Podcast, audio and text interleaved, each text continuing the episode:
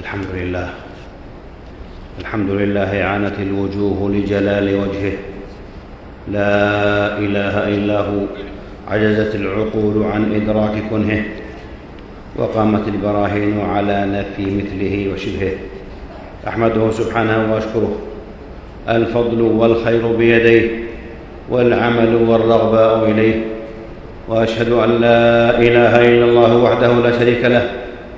صرف شؤون الخلق بحكمته وعمهم بجوده ورحمته وأشهد أن سيدنا ونبينا محمدا عبد الله ورسوله بعثه بالإيمان مناديا وإلى جنة الله ورضوانه داعيا صلى الله وسلم وبارك عليه لا خير إلا دل عليه ولا شر إلا حذر منه وعلى آله وأصحابه أفضل صحب وخير آل صلاة وسلاما يبلغان من ربنا الأمال والتابعين ومن تبعهم بإحسان إلى يوم الدين. وسلم تسليما كثيرا مزيدا إلى يوم المآل. أما بعد فأوصيكم أيها الناس ونفسي بتقوى الله.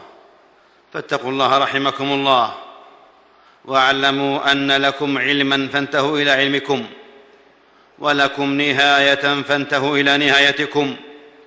أيام العمر مراحل معدودة إلى وجهة مقصودة للنفوس مواعيد تطلب آجالها وأعمار مقدرة لآمادها وآجال مؤخرة لميعادها.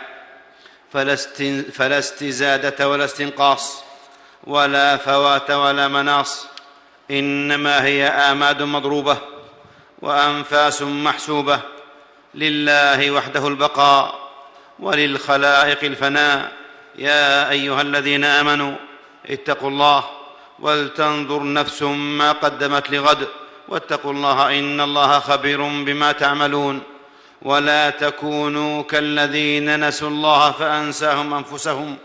أولئك هم الفاسقون. أيها المسلمون اعملوا. فكل ميسر لما خلق له. أرأيتم؟ لو أن أرزاق الناس بأيدي البشر فكم سيقع من الظلم والتظالم والبغي والفساد. تالله لو ترك ذلك إليهم لظلم بعضهم بعضا ولبغى بعضهم على بعض بل لنسي بعضهم بعضا ولغفل بعضهم عن بعض. فسبحان الرزاق الكريم ذي القوة المتين لا يظلم ولا يبغي ولا ينسى ولا يغفل. بل يتفضل وينعم ويحسن ويرحم وهو اللطيف الخبير وفي أنفسكم أفلا تبصرون وفي السماء رزقكم وما توعدون فورب السماء والأرض إنه لحق مثل ما أنكم تنطقون معاشر المسلمين إن هم رزق إن هم رزق قد أكل قلوبا وأشغل عقولا. في بعض الناس هلع وجزع حينما يسمع بالتغيرات الاقتصادية والتقلبات المالية والمشكلات في أمور المعاش وكأنهم لا يعلمون أن الله عز شأنه قد, تفك قد تكفل بالرزق لجميع خلقه إنسهم وجنهم مؤمنهم وكافرهم قويهم وضعيفهم كبيرهم وصغيرهم وما من دابة في الأرض إلا على الله رزقها. ويعلم مستقرها ومستودعها كل في كتاب مبين وكأي من دابة لا تحمل رزقها الله يرزقها وإياكم وهو السميع العليم. عباد الله لا, يست... لا يستبطئن أحد رزقه فلن يخرج من هذه الدنيا أحد حتى يستكمل رزقه وأجله. فاتقوا الله وأجملوا في الطلب. لقد كتب الله رزق ابن آدم وقدره قبل أن يأتي إلى هذه الدنيا. عن عبد الله بن مسعود رضي الله عنه قال حدثنا رسول الله صلى الله عليه وآله وسلم وهو الصادق المصدوق. إن أحدكم يجمع خلقه في بطن أمه أربعين يوما نطفة ثم يكون علقة مثل ذلك ثم يكون مضغة مثل ذلك ثم يرسل إليه الملك فينفخ فيه الروح ويؤمر بأربع كلمات بكتب رزقه وأجله وشقي وسعيد. الحديث متفق عليه. معاشر المسلمين ومعاشر الأحبة وهذا عرض لبعض الأسباب الجالبة للرزق هدى إليها الرب ودل عليها الشرع. أما أول ذلك وأولاه فتقوى الله عز وجل. فمن اتقى الله ولزم مرضاته رزقه من حيث لا يحتسب. وعد من الله حق. ومن يتق الله يجعل له مخرجا ويرزقه من حيث لا يحتسب يرزقه من جهة لا تخطر له على بال ومن حيث لا يرجو ولا يؤمل. ولو أن أهل القرى آمنوا واتقوا لفتحنا عليهم بركات من السماء والأرض. يتقي العبد ربه ظاهرا وباطنا. يتقي الله في نفسه وأهله وماله وعمله وفي شأنه كله. ومن, ومن الأسباب حفظكم الله كثرة الاستغفار والمداومة عليه يقول عز شأنه مخبرا عن نبيه نوح عليه السلام فقلت استغفروا ربكم إنه كان غفارا يرسل السماء عليكم مدرارا ويمددكم بأموال وبنين ويجعل لكم جنات ويجعل لكم أنهارا ويقول عن هود عليه السلام ويا قوم استغفروا ربكم ثم توبوا إليه يرسل السماء عليكم مدرارا ويزدكم قوة إلى قوتكم ولا تتولوا مجرمين. وورد في الحديث من أكثر الاستغفار جعل الله له من كل هم فرجا ومن كل ضيق مخرجا ورزقه من حيث لا يحتسب. رواه أبو داود وإسناده صحيح. يقول, يقول القرطبي رحمه الله وهذا دليل على أن الاستغفار يستجلب به الرزق ويستنزل به الغيث. استغفار يتواطأ فيه القلب مع اللسان غير مصر على ذنب ولا عازم على عود. ومن أعظم الأسباب عباد الله حسن التوكل على الله. فيتعلق القلب بمولاه ويفوض أمره إليه. فمن توكل على الله كفاه ما أهمه ودفع عنه ما ضره وأغمه ورزقه من حيث لا يحتسب وفي الحديث لو أنكم تتوكلون على الله حق توكله لرزقكم كما يرزق الطير. تغدو خماصا وتروح بطانا. رواه أحمد والترمذي وهو صحيح الإسناد.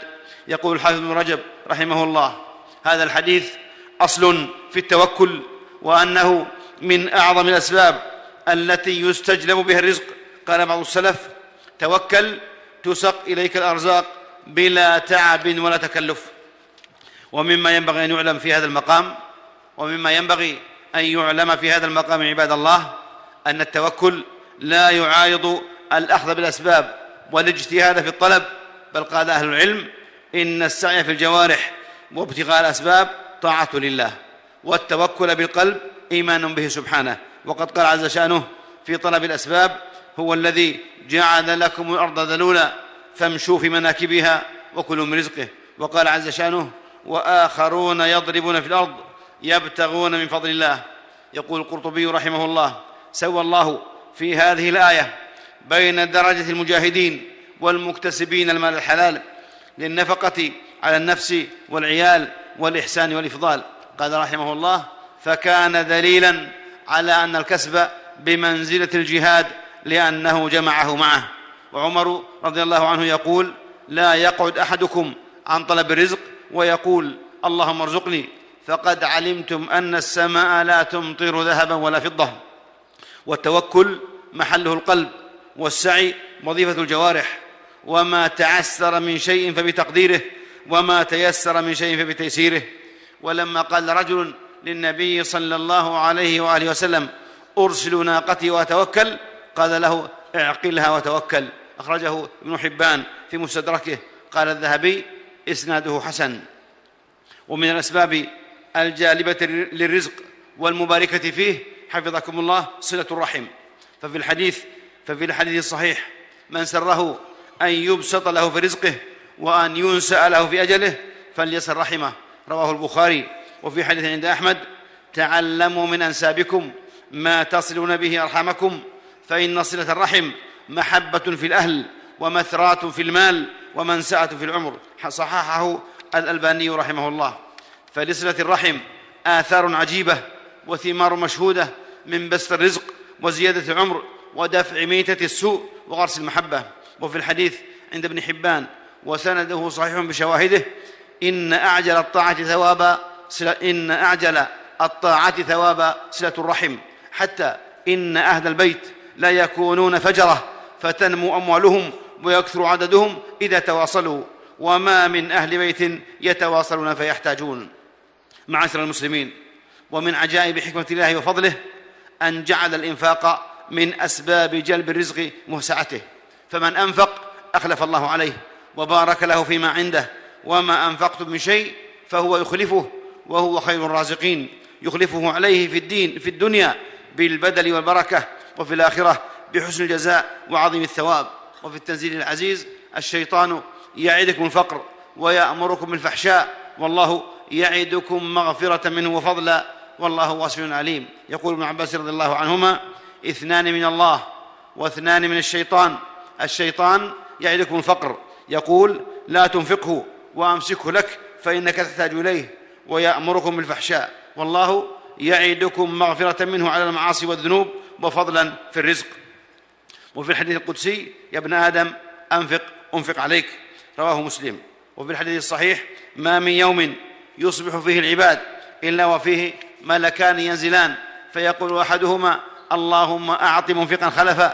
ويقول الآخر اللهم أعط ممسكا تلفا. رواه البخاري. فأنفقوا عباد الله. فأنفقوا وأبشروا بالخلف الواسع من فضل الله. بل لقد قال عز شأنه لينفق ذو سعة من سعته. ومن قدر عليه رزقه فلينفق مما آتاه الله. لا يكلف الله نفسا إلا ما آتاها سيجعل الله بعد عسر يسرا.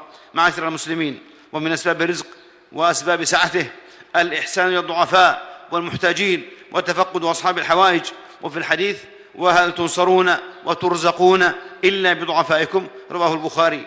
وعن أبي الدرداء رضي الله عنه قال سمعت رسول الله صلى الله عليه وسلم يقول ابغوني في ضعفائكم فإنما ترزقون وتنصرون بضعفائكم. رواه أبو داود والترمذي. وهذا يشمل أصناف ذوي الحاجات من الفقراء والمساكين والمرضى والغرباء ومن لا عائله وإن اوضع الأمة ومآسيها قد أوقعت الكثير من إخواننا وجيراننا في أحوال وشدائد فتفقدوهم وأحسنوا إليهم. وأنفقوا يخلف الله عليكم ويبارك لكم بل إنكم بهذا تستجلبون نصر الله وعونه وتأييده. وقد جدد ولي أمرنا وقد جدد ولي امرنا حفظه الله وأعزه استنهاض الهمم لمساعدة إخواننا في سوريا فأروا الله من أنفسكم خيرا. يبارك لكم يبارك لكم فيما آتاكم ويحفظكم في أمنكم وأرزاقكم وتستجلبوا نصر الله وعونه. وبعد معاشر المسلمين وبعد معاشر المسلمين إن رزق الله لا يجره حرص حريص ولا ترده كراهية كاره. فاتقوا الله وأجملوا في الطلب. فالعبد المؤمن إذا استيقن أن الرزق مقدر إطمأن قلبه واستراحت نفسه فلن يجزع من فقر يصيبه أو جائحة تتلف ماله ولن يشغل نفسه ولن يشغل نفسه بالدنيا عن الآخرة لأنه يعلم أنه لا يأتيه إلا ما كتب له لا يستسرف إلى ما لا يستسرف إلى ما في أيدي لا يستسرف إلى ما في أيدي الناس ولا يتطلع إلى ما في خزائنهم ولا تمتد يده إلى الحرام متعلق بربه يعلم أن الخلق لا يرزقون أنفسهم فضلا عن أن يرزقوا غيرهم. قيل لابي حازم ما قيل لابي حازم ما رزقك؟ قال الرضا عن الله والغنى عن الناس. أعوذ بالله من الشيطان الرجيم. ما يفتح الله للناس من رحمة فلا ممسك لها وما يمسك فلا مرسل له من بعده. وهو العزيز الحكيم. يا أيها الناس اذكروا نعمة الله عليكم. هل من خالق غير الله يرزقكم من السماء والأرض؟ لا إله إلا هو فانى تؤفكون نفعني الله وإياكم بالقرآن, بالقرآن العظيم وبهدي محمد صلى الله عليه وسلم. وأقول قولي هذا وأستغفر الله لي ولكم ولسائر المسلمين من كل ذنب وخطيئة فاستغفروه إنه هو الغفور الرحيم.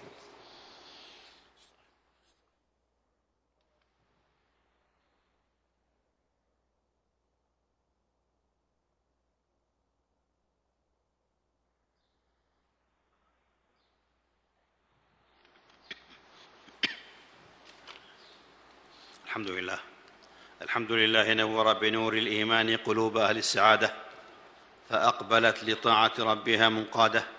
أحمده سبحانه وأشكره وقد تأذن لمن شكر بالزيادة.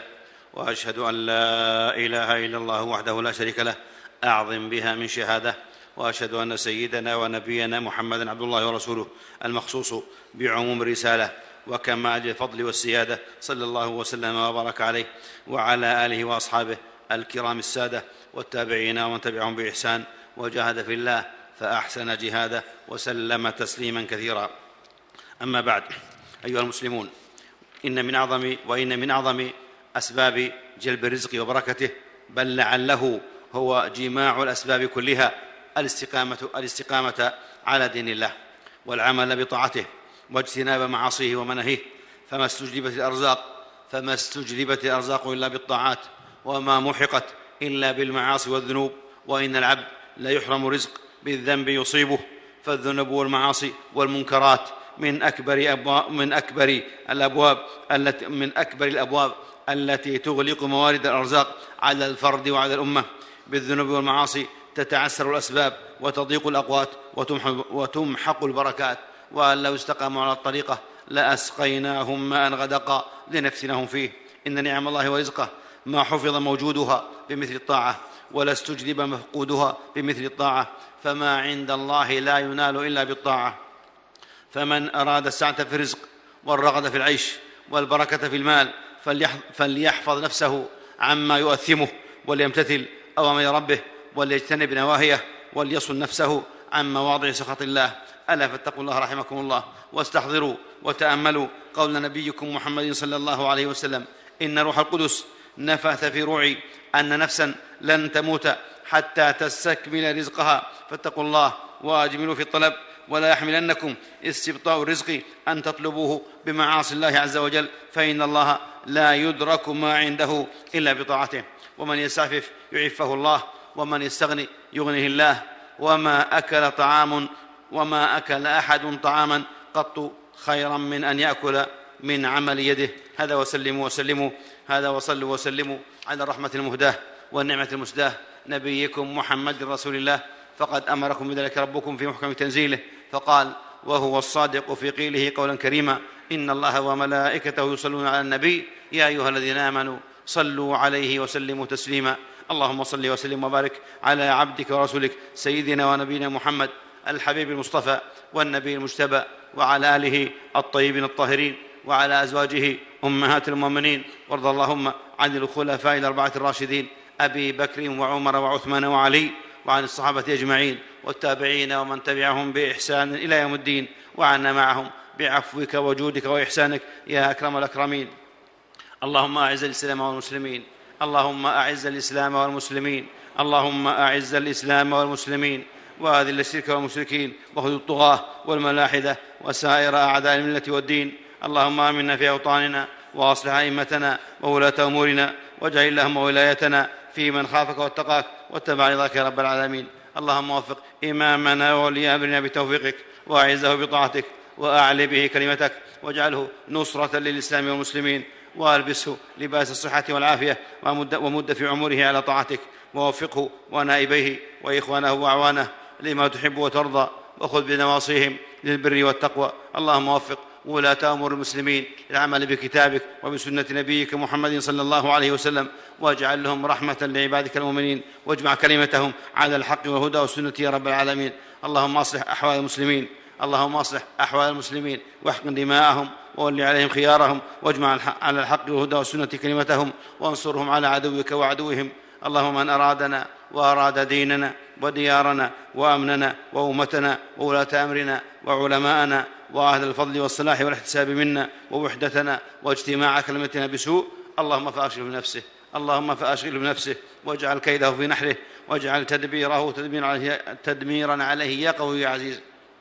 اللهم وأبرم لأمة الإسلام أمر الرشد يعز فيها الطاعه ويهدى فيها المعصيه ويؤمر فيها بالمعروف وينهى فيها المنكر إنك على كل شيء قدير.